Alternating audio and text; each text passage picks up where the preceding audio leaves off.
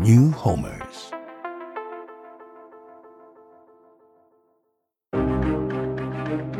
Cześć, nazywam się Andrzej Silczuk i jestem lekarzem psychiatrą. Niemyte dusze to podcast z pogranicza psychiatrii, neurobiologii i naszej codzienności. Opowiadam w nim o tym, jak współczesny styl życia wpływa na nasze zdrowie psychiczne. Odcinek drugi. Alkohol krzepi. Na początku chciałbym bardzo Wam podziękować. Ja nie wiem, jak można wyrazić wdzięczność w kilku zdaniach, ale no nie mieści się we mnie w tej chwili gama emocji, których doświadczyłem po publikacji pierwszego odcinka. Sama publikacja jest takim mm, momentem, w którym wiele różnych rzeczy w człowieku drży. A potem drżało, gdy przeczytałem pierwsze komentarze, pierwsze wiadomości prywatne, telefony. To było coś niesamowitego. E, wasza reakcja jest taką e, gigantyczną e, sferą zaufania, którym mnie obdarzyliście i mam nadzieję, że dociera do Was moje wzruszenie, bo to jest doświadczenie, które dodatkowo motywuje do tego, żeby robić rzeczy, które znowu mieszczą się w moich kategoriach spektrum rzeczy ważnych. Alkohol krzepi. Uzależnienie to karuzela cierpienia, przerywana krótkim uczuciem ulgi w chwili odurzenia. Kręci się koło naszej mysiej karuzeli. Cykle życia, kolejne etapy, powoli kończy się Dry January. Janos, od niego pochodzi łacińska nazwa pierwszego miesiąca roku. Był antycznym rzymskim bóstwem o dwóch twarzach, opiekunem wszelkich początków, m.in. opiekunem wrót, drzwi, paktów i porozumień. Dwa oblicza tego bóstwa interpretowano często jako przeciwstawne. Jego dwulicowość zaskakiwała kontrastem młodość z dojrzałością, dobro ze złem. Tymczasem alkohol to substancja o podobnych janusowych cechach, czasami zaskakująco niezwykłych. Jest najczęściej wymienianą pośród niebezpiecznych substancji szkodliwych dla człowieka, a równocześnie najbardziej dostępna i najłatwiej ją zdobyć. Jest obarczona podatkami, w tym podatkiem akcyzowym, ale równocześnie jej cena nie tworzy z niej towaru luksusowego. Sytuację potęguje to, że pośród totalnych wzrostów cen w aktualnym kryzysie ceny napoi alkoholowych zwiększyły się o połowę mniej niż ceny żywności. Państwa prowadzą kampanie ukierunkowane na ograniczanie konsumpcji alkoholu, równocześnie czerpiąc spore korzyści z wpływu do budżetu z tytułu podatków od jego sprzedaży. Czy wiecie, że niemal za każdym razem, gdy rośnie statka podatku akcyzowego, producenci radości zacierają ręce podnosząc ceny hurtowe produktów? Kupujący w sklepie po nowej, wyższej cenie i tak zwali wszystko na podatki. I tak kupi. Kupi, bo lubi. Kupi, bo chce albo bo musi, mimo że drogo. Drogo, ale nie tak za bardzo. Alkohol w dzieciństwie postrzegany jest jako zarezerwowany dla lepszego świata świata dorosłych, którzy dzięki niemu mają się lepiej bawić. Równocześnie staje się przyczyną koszmaru dorastania w rodzinach alkoholowych i osamotnienia emocjonalnego dzieci. Mamo, proszę, nie pij już. Tato, ale czemu? Równocześnie połowę zgłoszonych przypadków przemocy domowej w 2022 roku popełniły osoby podejrzane o działanie pod wpływem alkoholu. Ile z nich nie zostało zgłoszonych, a ile dzieje się właśnie w tej chwili? A propos zagrożeń. W opinii publicznej spośród wszystkich substancji psychoaktywnych jako najgroźniejsze dla zdrowia postrzega się narkotyki. W Polsce przez narkotyki umiera co roku kilkaset osób, z tego 200-300 rocznie z powodu przedawkowania. Papierosy i alkohol zabijają dziesiątki tysięcy osób rocznie, dwudziestokrotnie więcej osób umiera z powodu przedawkowania alkoholu niż narkotyków.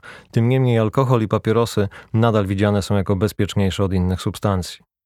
Promuje się. Tak trzeźwość. Działa na rzecz odpowiedzialnego używania alkoholu, informuje się o szkodliwości picia i palenia, ale równocześnie odsetek osób uzależnionych w Polsce od lat utrzymuje się na tym samym poziomie. Posiadanie wysokoprocentowego alkoholu jest legalne. Legalne jest jego kupowanie, ale nielegalna jest jego produkcja i sprzedaż niekoncesjonowana. W kwestii posiadania. Nie wolno go nabywać przed 18 rokiem życia, w niektórych krajach przed 21, ale dowolny produkt alkoholowy jest obecny niemal w każdym polskim domu. Zresztą tak samo jak pokaźna mini apteczka, nawet apteka, co gorsza w zasięgu sprytu i ciekawości nastolatków. Sklep na Ursynowie. Scenka z listopada 2022 roku. Chłopaki, nie ma opcji, nie sprzedam wam tego. Władczo oświadczyła pani z zakasy. Dobra, który chcecie, ja wam kupię, tylko dajcie ekstra piątkę. powiedział chrypiący kolos kolejki za nimi i dołożył ich piwa do swoich. Pani sprzedała, uśmiechając się do siebie. Lubimy siebie po alkoholu bardziej niż przed. W relacjach społecznych czujemy się po nim odważniej, bardziej pośród ludzi. Po nim udajemy, że jest nam mniej samotnie, gdy na końcu tej przygody to, co dopadnie, to lęk, horror w najczystszej i okrutnej postaci. Gdy opadnie wieloletnia mgła euforii i złudzenia udanego melanżu, uzależnieni doznajemy dojmującej samotności, w upodleniu i społecznym wykluczeniu. Wcześniej, będąc w grupie i odmawiając jego używania, regularnie doświadczaliśmy zawstydzenia i poczucia winy. Współcześnie nadal czujemy przymus tłumaczenia się i większy stres społeczny z powodu tego, że nie chce się pić alkoholu niż z chęci jego napicia. Osoby uzależnione od alkoholu, alkoholicy, chlory, alkusy, pijacy są obiektami pogardy. Osoby niepijące lub odmawiające picia obiektami drwin i docinek.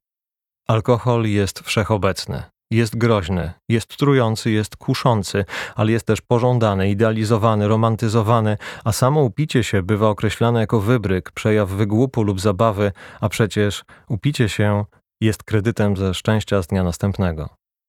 Dlaczego ten alkohol w ogóle jest? Czemu to sobie w ogóle zrobiliśmy? Posłuchajcie. Pierwsze doniesienia na temat używania alkoholu datowane są na 12 tysięcy lat temu na terenie Azji. Krok w publikacji z 2007 roku podsumował poglądy na temat uzależnień w starożytności w następujący sposób.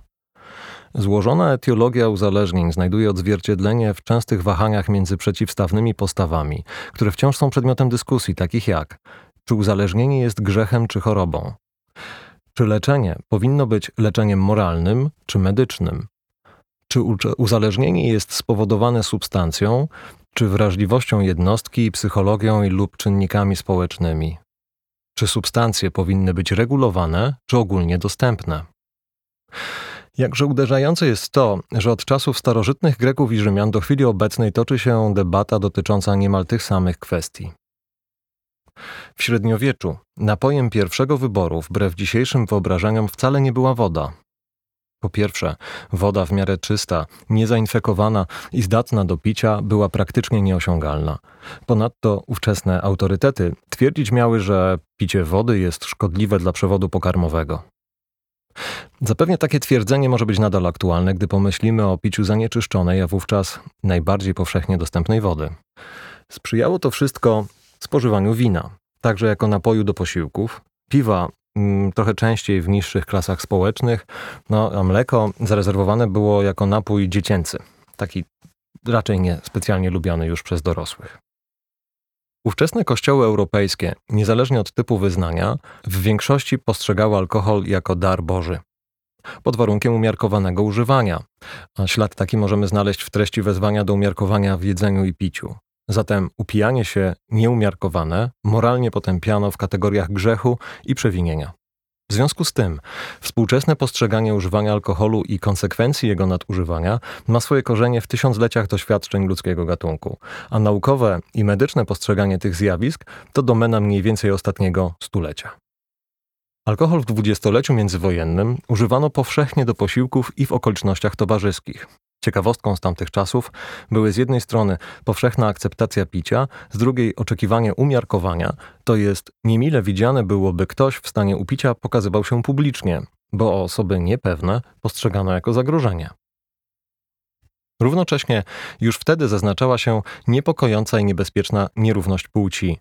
Pośród zasad kulturalnego zachowania mieściło się z jednej strony odebranie prawa kobietom do decydowania o tym, kiedy chcą się napić, zakazywano samodzielnie podejmowania napojów i podnoszenia toastów. Z drugiej strony, towarzyszący kobiecie mężczyzna, niezależnie od ich relacji wzajemnej, miał obowiązek permanentnie dbać o to, by w kieliszku kobiety zawsze było pełno. Innymi słowy, jeśli kieliszek kobiety był nienapełniony, miała ona mieć wrażenie bycia niezaopiekowaną w odpowiedni i kulturalny sposób.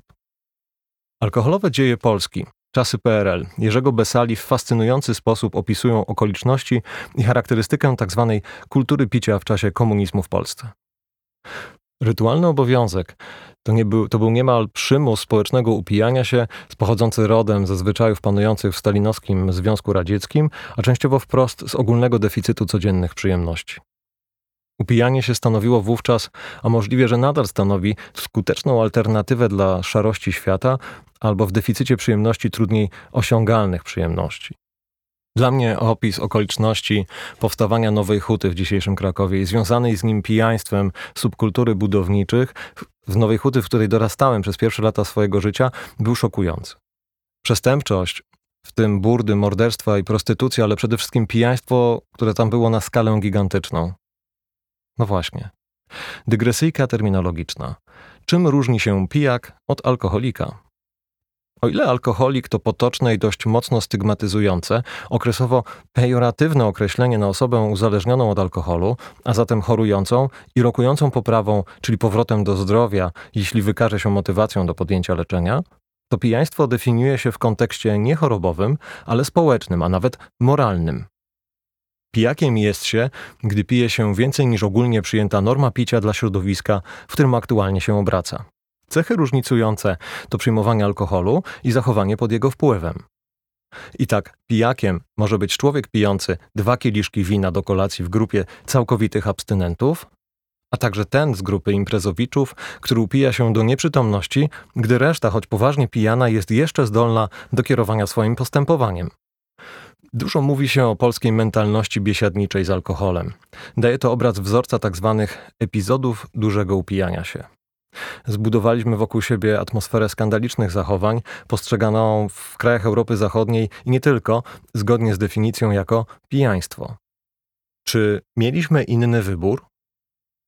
Jesteśmy społeczeństwem, w którym przez dziesięciolecia proponowano wyjście na alkohol w celu poważnego upicia się jako główną atrakcję i motywację do spotkania towarzyskiego. Ja chcę, byście mieli minimum zobiektywizowanej wiedzy.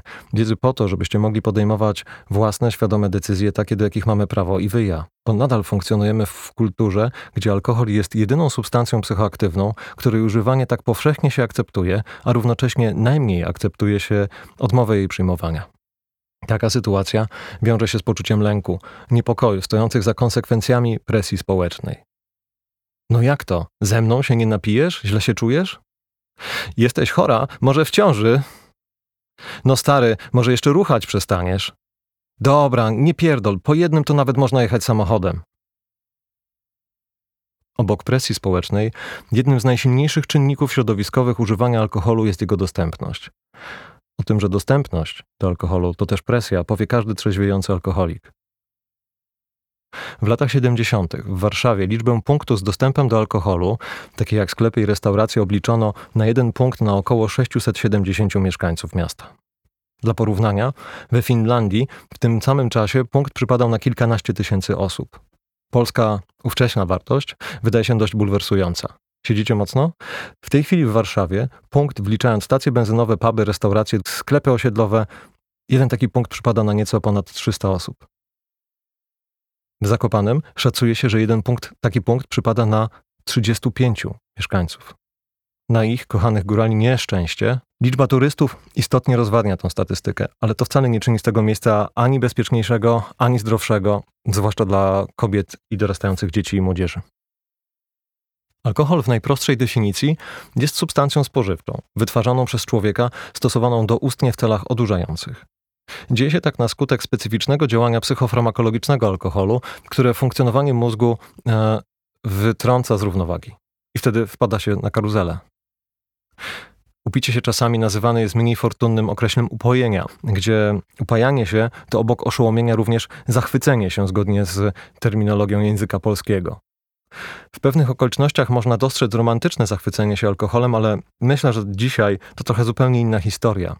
Czy jesteśmy gotowi, by z medycznej perspektywy w ogóle upicie się postrzegać jako nic innego, tylko stan intoksykacji, czyli zatrucia? Czy w ogóle użycie alkoholu można postrzegać jako zatrucie? Intoksykacja z definicji to stan chorobowy wywołany działaniem trucizny lub jadu. W dużych dawkach można mówić o ostrej intoksykacji alkoholowej jako stanu pochodnego użycia znacznych dawek alkoholu o wpływie na cały organizm. Czy istnieje zatem jakaś niewielka dawka alkoholu, którą można uznać jako bezpieczną, nie prowadzącą do ostrego zatrucia? Regularnie, z autorytetem stopnia belwederskiego profesora, doktora habilitowanego medycyny, powtarza się, że jeden kieliszek wina, najlepiej czerwonego, jest korzystny dla zdrowia. Media chętnie podchwytują taką melodię, brzmi ponadczasowo uniwersalnie i zawsze generuje swą liczbę kliknięć, jak się wkrótce okaże, także konsekwencji.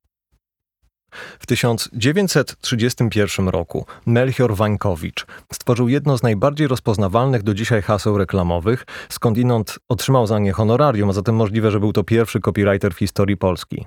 Hasło o treści Cukier krzepi, Gigantyczna w skali ogólnopolskiej kampania reklamowa plakatów i komunikacji, wedle których cukier pobudza pracę umysłową, zwiększa siłę, zwiększa też wpływ na długość życia. Uwaga, kobiety miały żyć więcej lat od mężczyzn dzięki spożywaniu większych ilości cukru. Absurdy, co do których dzisiaj nikt nie ma wątpliwości. Współcześnie w artykułach opartych o pseudonaukowe widzi się ekspertów wymienia się listę korzyści, która ma ze spożywania alkoholu w małych ilościach, a najczęściej wina lub piwa wynikać. Według informacji na stronie opiniotwórczej Mayo Clinic Rochester w Minnesocie, umiarkowane używanie alkoholu może prowadzić do pewnych korzyści dla zdrowia. Zwróćcie uwagę na treść nie prowadzą, a mogą prowadzić jest to kluczowe dla zachowania formy przekazu zwalniającej z pewnej odpowiedzialności w przyszłości. Cytuję: Alkohol zmniejsza Twoje ryzyko rozwoju choroby serca i śmierci z tego powodu prawdopodobnie zmniejsza ryzyko wystąpienia udaru niedokrwiennego, gdzie e, Mayo Clinic tłumaczy, gdy naczynia mózgowe stają się zwężone, zablokowane, powodując ciężki spadek przepływu krwi. I kolejna z rzeczy, alkohol prawdopodobnie zmniejsza ryzyko wystąpienia cukrzycy. Ja słyszałem o potencjalnym obniżeniu ciśnienia krwi, ochronie przed zawałem, chorobami Alzheimera, Parkinsona i kilku podobnych innych wspaniałych właściwościach. Przyjrzyjmy się temu z bliska. Dzisiaj słowo potencjalne zastosowanie jest medycynie szczególnie groźne. Rozbudza nadzieję często kosztem racjonalnego postępowania. Rachel Golan z zespołem badaczy w 2019 roku opublikowali badanie na grupie 224 pacjentów z cukrzycą typu drugiego. Badane osoby podzielono na trzy grupy. Użytkowników dziennie jednej porcji kieliszka 150 ml wina czerwonego, takiej samej wina białego oraz dla porównania użytkowników wody mineralnej. Całe badanie trwało dwa lata. Na artykuł powołano się do dzisiaj w publikacjach naukowych ponad 40 razy. Pomimo, że w treści badania pojawiają się obiecujące informacje, m.in. na temat poprawy parametrów cholesterolu użytkowniczek jednego kieliszka wina czerwonego dziennie, przypominam z cukrzycą typu drugiego, końcowe wnioski badania są mocno zachowawcze, czyli prezentowane ostrożnie. Cytuję. Pośród pacjentów z cukrzycą typu drugiego, stosujących się do zaleceń z wyrównanym poziomem cukru we krwi, stosowanie alkoholu w umiarkowanych dawkach wydaje się bezpieczne w odniesieniu do zmian w rytmie serca oraz formowaniu się blaszek miażdżycowych. Ani słowa więcej. Po prostu wydaje się. Silvana Chrelia i współpracownicy na łamach wysokoimpaktowego żurnalu, to jest czasopisma, w którym publikacja zapewnia mierzalny prestiż środowisku naukowym, w tym przypadku Nutrients, w 2022 roku opublikowali pracę na temat przeglądu badań um, o wpływie umiarkowanego używania wina na zdrowie. We wnioskach z badania autorzy stwierdzili dość dobitnie, że wino różni się od innych napojów alkoholowych, to chyba mało zaskakujące, a jego umiarkowane używanie nie tylko ma nie zwiększać ryzyka występowania przewlekłych chorób zwyrodnieniowych, ale również łączy się z korzyściami dla zdrowia.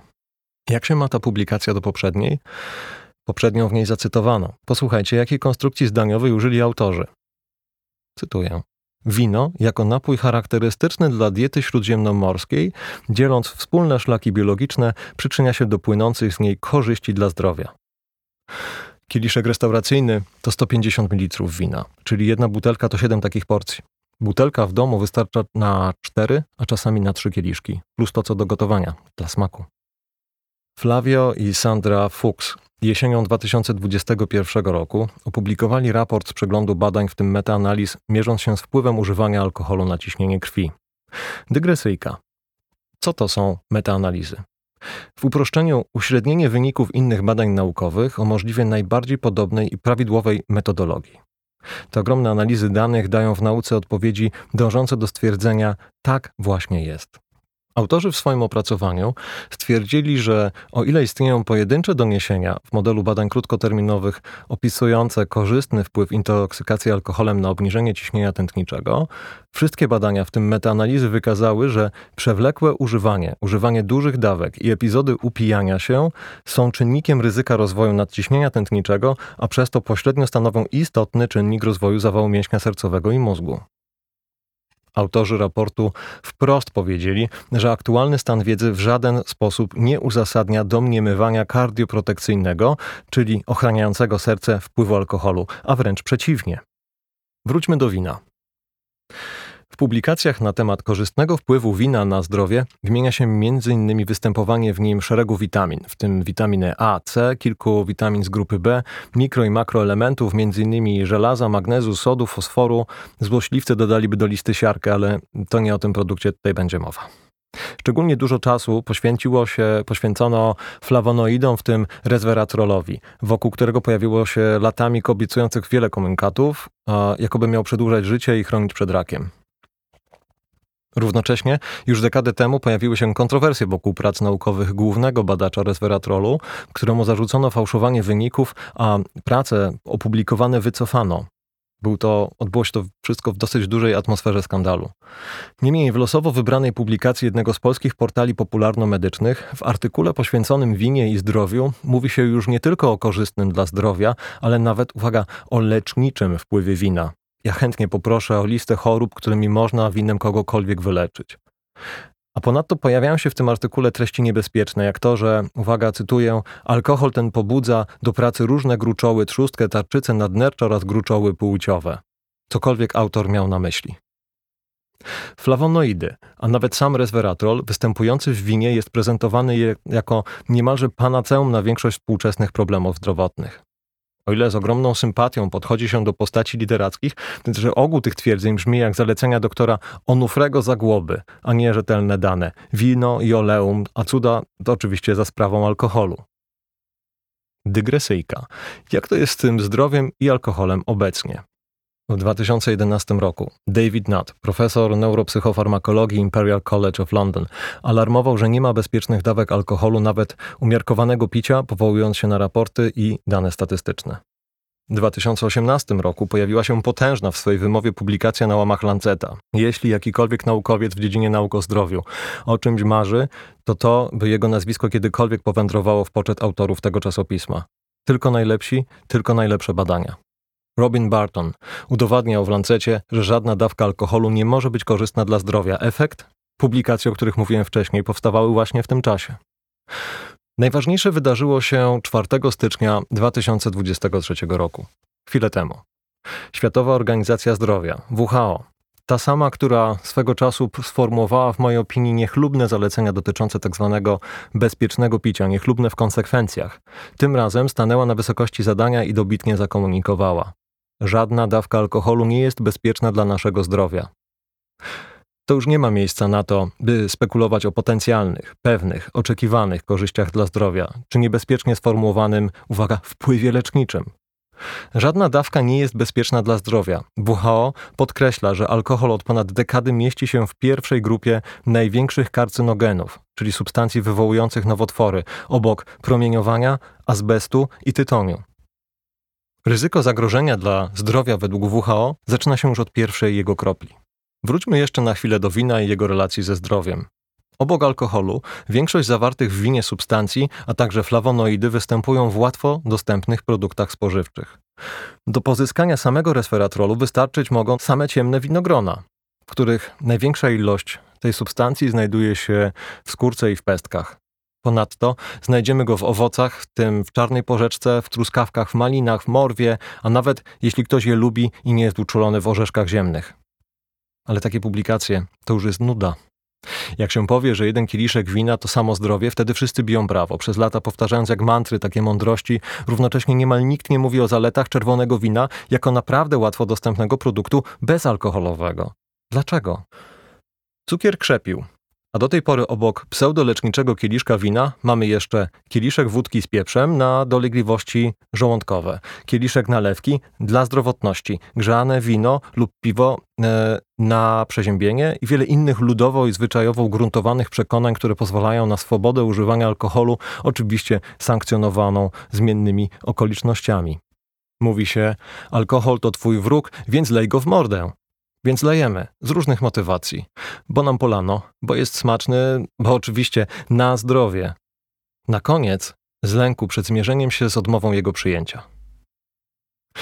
Motywacje do używania zmieniają się z wiekiem. Różnią się między płciami, jednak wśród najczęstszych wymienia się motywacje społeczne, wzmacnianie, radzenie sobie z lękiem, smutkiem i z podporządkowaniem. Alkohol poprzez GABA-zależny mechanizm swojego działania w chwili użycia może redukować lęk, zmniejszać stres. Podobnie o wpływie jedzenia słodkich pokarmów i redukcji stresu można przeczytać w publikacji Ivers 2010 roku Feeding Your Feelings, czyli karmiąc swoje emocje o strategiach regulacyjnych emocjonalnego odżywiania się, nazwanego emotional eating. GABA. Mała dygresyjka na temat tego, czym ta GABA jest. Układ GABAergiczny to jest jeden z układów hamujących, który posiada nasz mózg. Między innymi odpowiada za kontrolowanie lęku, pobudzenia, a składa się w dużej części z e, reakcji pomiędzy małym kanałem chlorkowym, jakim jest receptor GABAergiczny i substancjami, które się do niego przyłączają. Teraz spróbujcie wziąć swoją no niech będzie lewa dłoń i złożyć ją palcami do środka, tak jakbyście chcieli chwycić za żarówkę będzie przypominała taki mały kwiatek. I teraz widzicie, że macie bardzo ładnie schwinięte w koszyczek pięć palców, pod spodem jest dłoń. Mniej więcej w ten sposób wygląda GABA, którą, czyli ten receptor, posadzona w błonie komórkowej. Każda z tych podjednostek, każdy z palców będzie miał swój przydomek. My będziemy patrzeć na podjednostkę alfa i nazwiemy nią sobie nasz mały paluszek u dłoni. Ten mały paluszek jako podjednostka alfa malu, maluteńkiego receptora GABA, kanału chlorkowego. Mm, w tym samym miejscu ma punkty przyłączenia dla alkoholu. Ale uwaga, co będzie omawiane w następnym odcinku, również dla niektórych leków, w tym benzodiazepin i leków nasennych typu Z. To znaczy, że mamy jeden zamek, do którego pasuje kilka kluczy, wywołując ten sam efekt. A zatem pijemy incydentalnie, okazjonalnie, tylko do towarzystwa albo do posiłku, bo się udało albo się przegrało, bo boli, a jeśli boli, to chcemy, żeby przestało boleć. A skoro pijemy, to proces ten podlega typowym mechanizmom. Zgodnie z definicją o braku bezpiecznej minimalnej dawki alkoholu, upicie się, e, upicie alkoholowe jest zawsze intoksykacją. Idąc dalej, co w takim razie może stać się złego, gdy wypiję jedną albo dwie porcje? Jeśli jestem raczej zdrową, dorosłą osobą o bezpiecznym BMI bez dodatkowych obciążeń, to pewnie niewiele.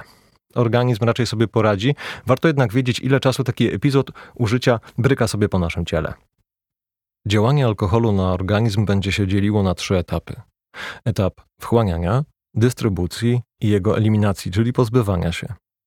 Około 95%, znowu procenty, spożytego alkoholu jest metabolizowane poprzez enzymatyczne utlenianie w wątrobie. Reszta jest wydalana z oddechem, z potem i z moczem. Czas półtrwania to w uproszczeniu taki czas, jaki jest potrzebny do tego, aby zmetabolizować połowę przyjętej substancji. Czas półtrwania to w przypadku zaburzeń używania substancji, w tym uzależnień, jeden z najważniejszych parametrów i jeszcze nie raz do niego będziemy wracali. W przypadku alkoholu, po jego doustnym przyjęciu wchłania się błyskawicznie. Po kilku minutach można odczuć jego działanie, natomiast jego eliminacja jest istotnie wolniejsza i przyjmuje wartość stałą, niezależnie od poziomu wyjściowej koncentracji w surowicy. Mierzona w wartościach czystego alkoholu to około 20 do 30 gramów lub inaczej licząc 1,1 lub 0,2 promila na godzinę. Czyli jeśli upijemy się do poziomu 1 promila, to będziemy to metabolizowali przez przynajmniej 10 godzin. Mimo tego niektóre źródła podają, że czas półtrwania alkoholu to nieco ponad godzinę, inne, że ponad 4 godziny. Jak rozumiem, w tym przypadku obliczone dla jednej standardowej porcji alkoholu równej 10 gramom czystego alkoholu, czyli stuprocentowego spirytusu, czyli ekwiwalentu jednego kieliszka wódki, szklanki piwa, kieliszka wina gdzie po 4-5 cyklach alkohol ma całkowicie zniknąć z organizmu. W moczu alkohol może być wykrywany przez 12 godzin po użyciu, a w przypadku gdy ktoś pił nadmiarowo to nawet do 130 godzin. Fosfatidiloetanol to biomarker, którego występowanie w moczu można stwierdzić nawet do dwóch tygodni. Sam alkohol może być wykryty w wydychanym powietrzu i w ślinie przez 12, a nawet 24 godziny. W badaniach toksykologicznych włosów nawet około 90 dni po ostatnim użyciu. Warto uświadomić sobie, że wartość BRAC, czyli stężenia alkoholu w wydychanym powietrzu, mierzona popularnymi i profesjonalnymi alkomatami, jeśli nie jest podana w wartości miligram na litr, tylko w promile, odpowiada w przybliżeniu tylko połowie rzeczywistego stężenia w surowicy. Zatem wynik należy pomnożyć razy dwa, właściwie razy nieco ponad 2000, jeśli pamiętacie, że promil to jedna tysięczna. A także warto pamiętać, że popularne alkomaty obarczone są często tak dużym marginesem błędu, że wynik wskazujący trzeźwość wcale jej nie gwarantuje. Skutkuje to przykrymi konsekwencjami, np. dla kierowców zaskoczonych podczas rutynowej kontroli trzeźwości. W tej sytuacji nie mogę sobie odmówić i nie dotknąć dykresyjnie jednego z mitów wokół picia. Ludzie przyjmują pewne symboliczne wskaźniki upływu czasu. Sylwestrem kończymy stary i zaczynamy nowy rok. Kładąc się do snu nocnego, żegnamy stary dzień i szykujemy się do kolejnego. Niczym za dotknięciem magicznej różdżki, to co wydarzyło się wczoraj zostało wczoraj. Problem w tym, że upicie się wieczorem dnia poprzedniego wpada w najciekawszy etap metaboliczny, a konkretnie spowolnienie metabolizmu nocnego, obniżenie tętna, no i spowolnienie funkcji układu trawiennego. Mówiąc wprost, śpiąc, metabolizujemy alkohol wolniej. Dodajmy do tego częste spożywanie niemałych posiłków podczas picia, a pełny żołądek dokłada swoje, spowalnia go jeszcze bardziej. Tym większe może być zdziwienie, gdy kolejnego dnia, nawet w godzinach popołudniowych, alkomat policyjny wskaże zaskakujący wynik. Kiedyś spotkałem się z jeszcze jednym potocznym przekonaniem, że dzień po przepiciu zwiastunem trzeźwości miała być skuteczna wizyta w toalecie z tak zwanym numerem 2. Dementujemy. Ani dwójka, a tym bardziej noc nie kasują alkoholemi, nie trzeźwieje się tak po prostu, jak ręką odjął. Za to przejawem trzeźwienia często objawia się tak zwany kac. Kac to efekt spłaty kredytu szczęścia z odsetkami zapożyczonego dzień wcześniej. Są jednak bardziej medyczne definicje kaca. Kac alkoholowy rozumiany jest jako doświadczenie różnych nieprzyjemnych wrażeń, jako fizjologicznych i psychologicznych konsekwencji spożycia pewnej, niegdyś mówiono wyłącznie o dużej ilości alkoholu. Duże nie jest kategorią stałą. Dla jednych dużo alkoholu to będzie więcej niż 10 piw jednego wieczora, dla innej osoby drugi restauracyjny kieliszek. On wywoła już wtedy nie tylko zamęt w głowie, ale właśnie kaca następnego dnia. Objawy występują kilka godzin po spożyciu alkoholu, średnio około 10. Kac może trwać przez kilka godzin, a nawet dłużej niż jedną dobę. Można pojawiać się przy jeszcze utrzymującym się stanie upicia, a rozpoczynającym się trzeźwieniu. Wymienia się minimum 47 zidentyfikowanych objawów, z których najpowszechniejsze to zmęczenie, ból głowy, nudności, zaburzenia neuropoznawcze, w tym funkcje wykonawcze, m.in. upośledzenie uwagi, pamięci i zdolności psychomotorycznych. Podaje się także absencję w miejscu pracy, a jeśli już ktoś do pracy przychodzi, to zmniejszoną produktywność. W Stanach Zjednoczonych szacuje się, że koszty nieobecności pracowników z powodu kaca wynoszą blisko 200 milionów dolarów rocznie. Dla pijących alkohol niemytych dusz ważne jest, żeby pamiętać, że intoksykacja alkoholem w związku z jego metabolizowaniem przeradza się w kolejną intoksykację, tym razem aldehydem octowym, produktem ubocznym, a równocześnie jednym z głównych obok autorki lub autora przyjmowania alkoholu winowajców kaca. Sam kac jest ogromnym stresem dla zatrutego od kilkunastu godzin organizmu. I teraz jedyna praktyczna informacja, jaką się podzielę. Pomimo trzeźwości, prowadzenie pojazdów na kacu w związku ze znacznie ograniczonymi funkcjami poznawczymi stwarza istotne ryzyko kolizji.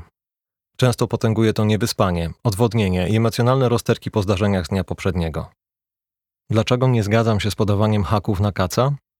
Słyszałem całkiem niedawno w jednym z podcastów właśnie takie wskazówki.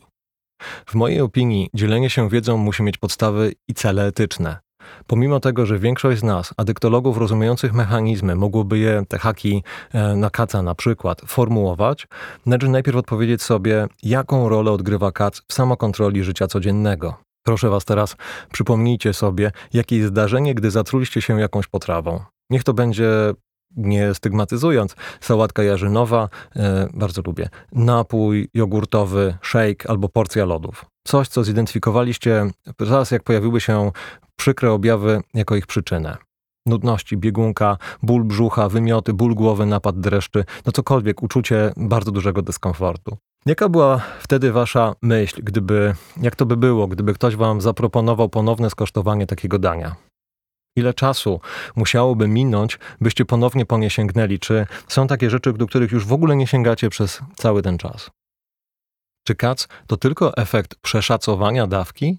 A może to bezpiecznik, czerwona lampka, odpowiedź buntującego się organizmu na to, że przyjmowanie substancji obok bezpośredniego oczekiwanego efektu euforyzującego niesie ze sobą konsekwencje w postaci objawów zatrucia. Tak jak słodkość napoju mlecznego może dać uczucie przyjemności dzisiaj, no i wyścigów do toalety i niechęci do niego następnego dnia, ten stan po przepiciu może wywołać pewną awersję, ostrą niechęć, obrzydzenie nie tylko do przyjęcia kolejnej dawki, ale na wrażenie samego zapachu alkoholu lub myśl o nim. W ten sposób nie przekracza się z jednego z kilku bezpieczników, nie łamie się barier chroniących innymi przed uzależnieniem. Mówię tu o reintoksykacji. Reintoksykowanie się to nic innego jak tak zwane klinowanie, przyjmowanie kolejnej porcji alkoholu na początku rozwijającego się lub w trakcie kaca. Lecz się tym, czym się zatrułeś, głosi powiedzenie, które szanuje za jednak wprost porównujące upijanie się do zatruwania. Ponowne wprowadzenie organizmu w alkoholemię, stan upicia, istotnie redukuje uczucie kaca, równocześnie rujnując dotychczas przewidywalny metabolizm alkoholu, znacznie go wydłużając.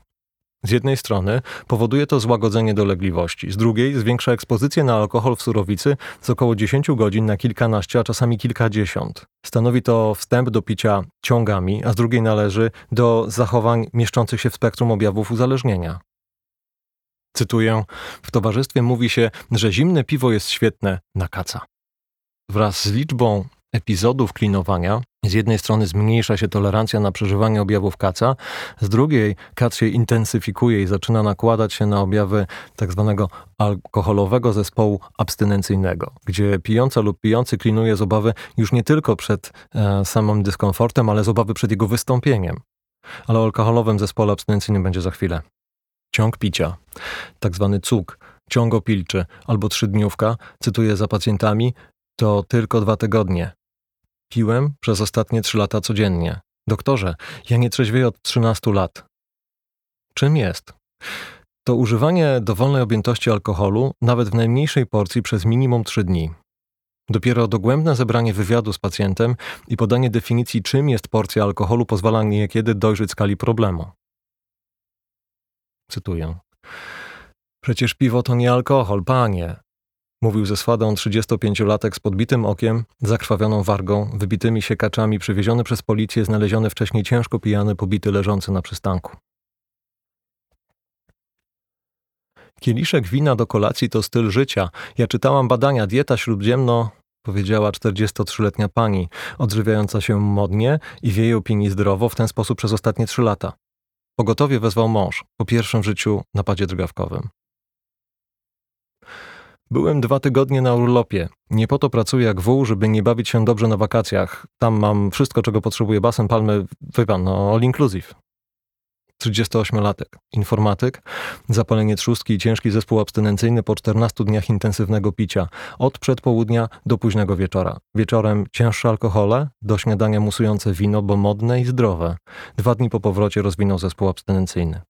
A jak swoje picie zrecenzował sam Witkacy?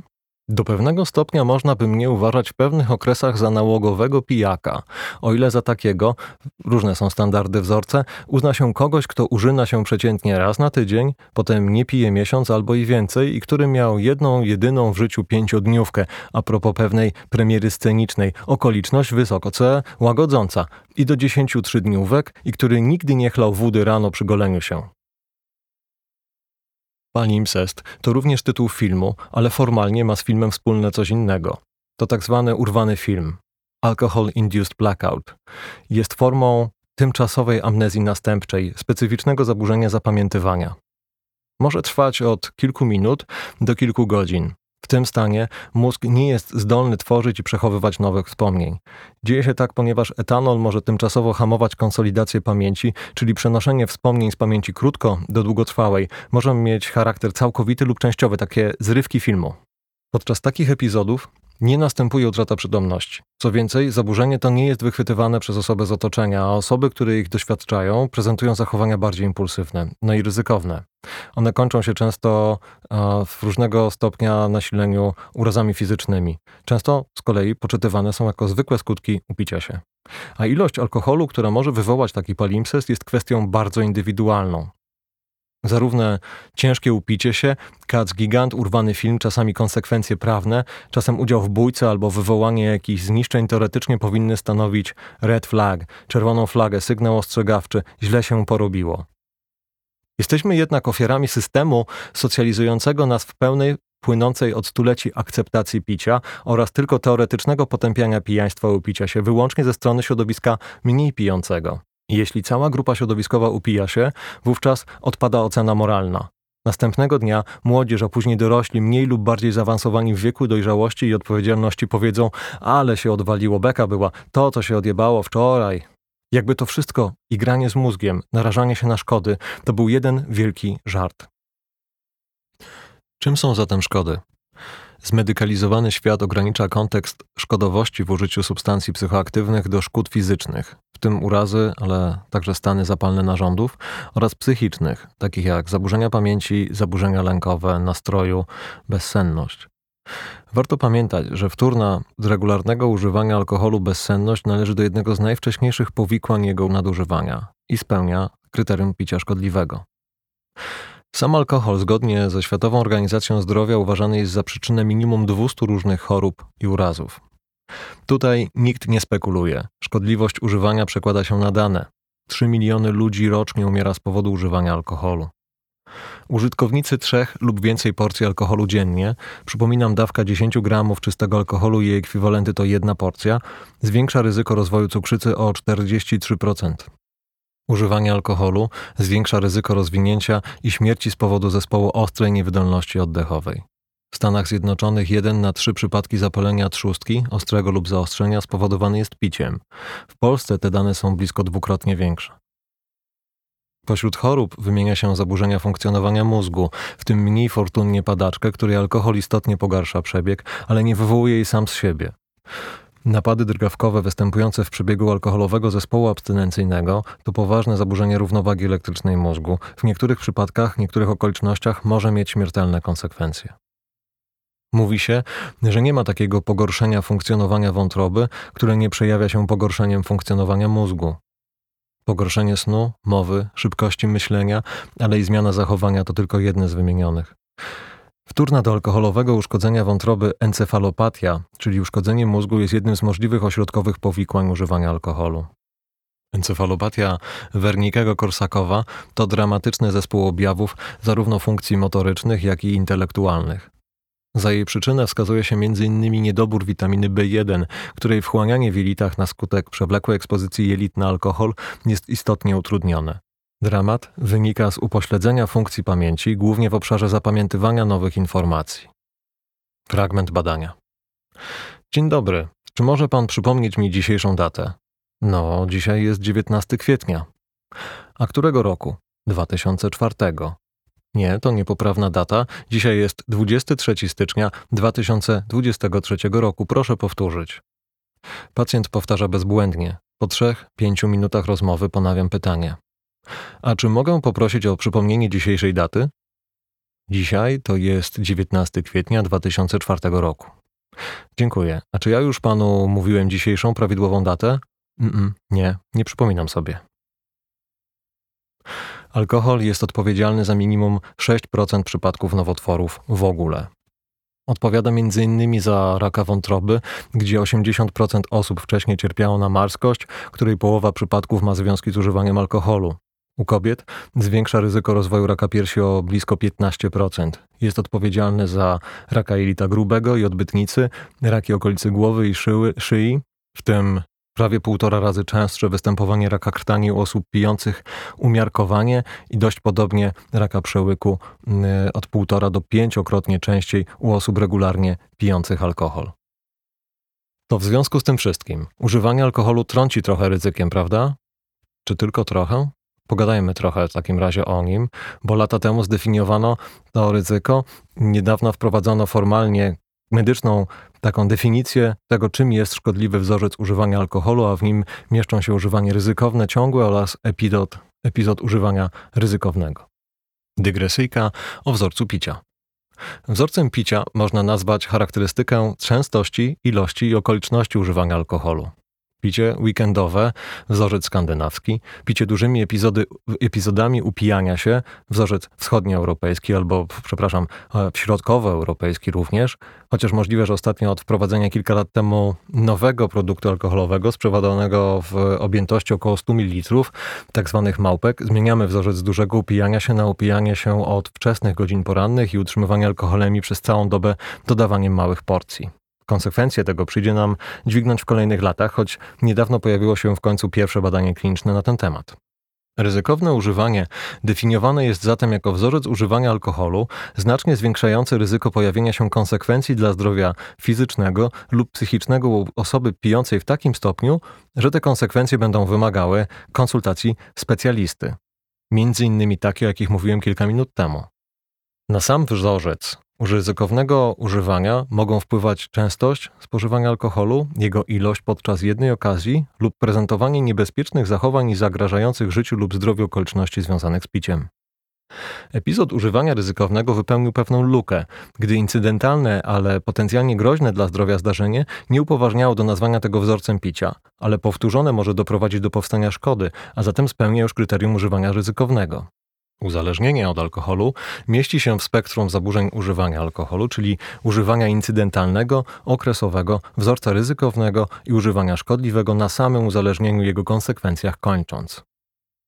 Charakteryzuje się upośledzeniem kontroli używania substancji, dotyczy jej ilości, okoliczności oraz momentu rozpoczynania lub zakończenia jej używania.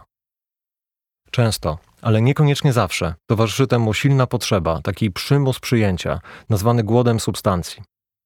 Samo używanie jest e, używaniem, które staje się ważne, staje się priorytetowe. Stopniowo dominuje nad innymi zainteresowaniami, przyjemnościami albo konkuruje z codziennymi aktywnościami, w tym z obowiązkami.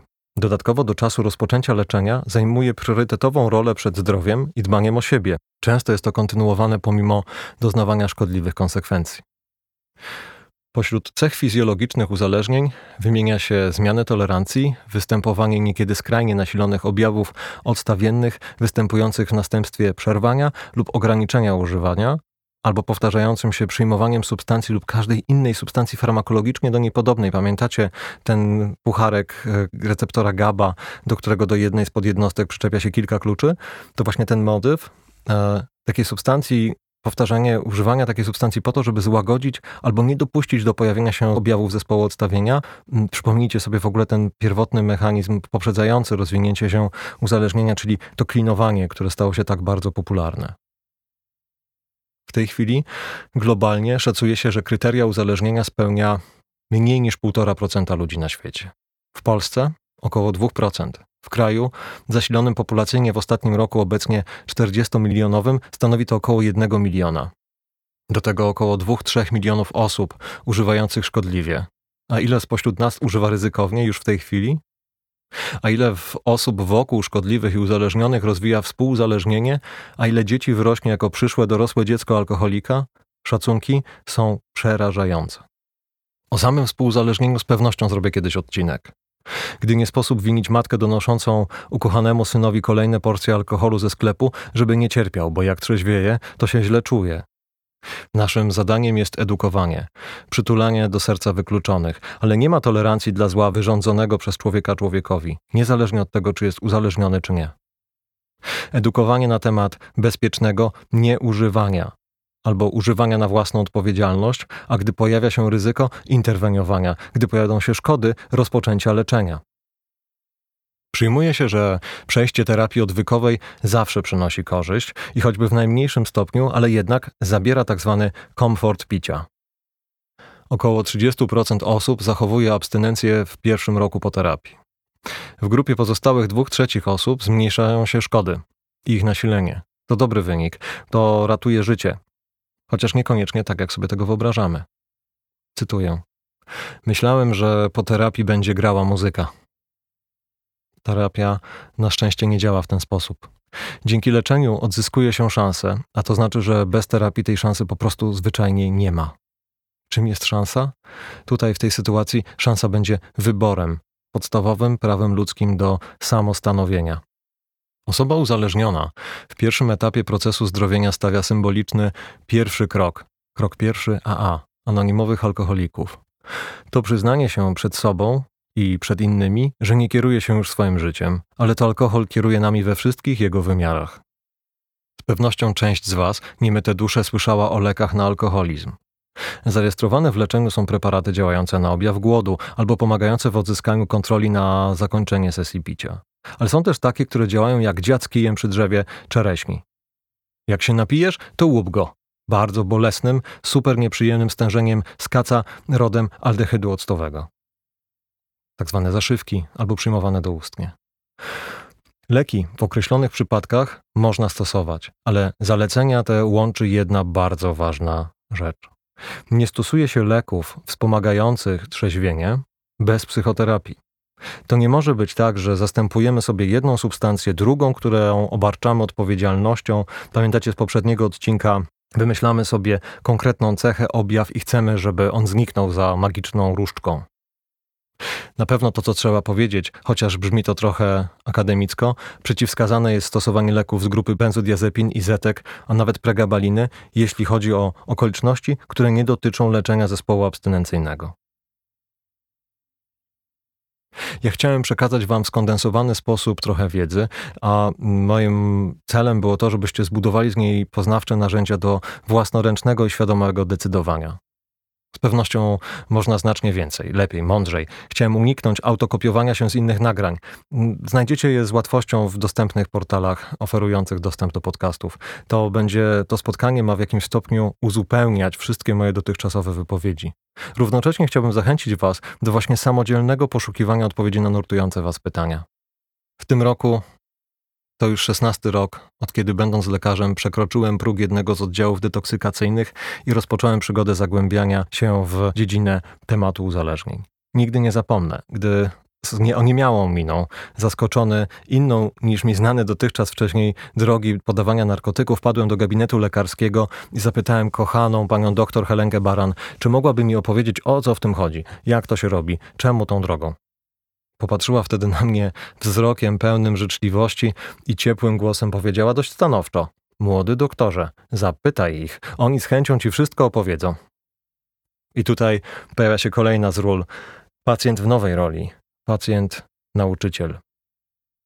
Późniejsze lata spędzone na detoksie alkoholowym to niewątpliwie jest kapitał czasu uprawniający do tego, żeby móc dość odważnie powiedzieć, że widziałem tą ciemną stronę alkoholu. Przepraszam, Widziałem jego najczarniejsze z obliczy, jakie może zobaczyć lekarz. Najczarniejsze, jakie może doświadczyć człowiek. Obok niego przez lata obserwowałem, jakie brzemię dźwigają osoby uzależnione od leków. Ale o tym będzie już w następnym odcinku. To był kolejny epizod podcastu Niemyte Dusze. Ja nazywam się Andrzej Silczuk. Podcast powstał w produkcji New Homers przy wsparciu merytorycznym Welby Polska, e, realizowany w Cafe w Warszawie. E, I bardzo dziękuję za Wasze wsparcie. Chciałem podziękować patronkom i patronom. Pojawiły się pierwsze osoby, które uznały, że warto wspierać moją działalność. Do zobaczenia za dwa tygodnie.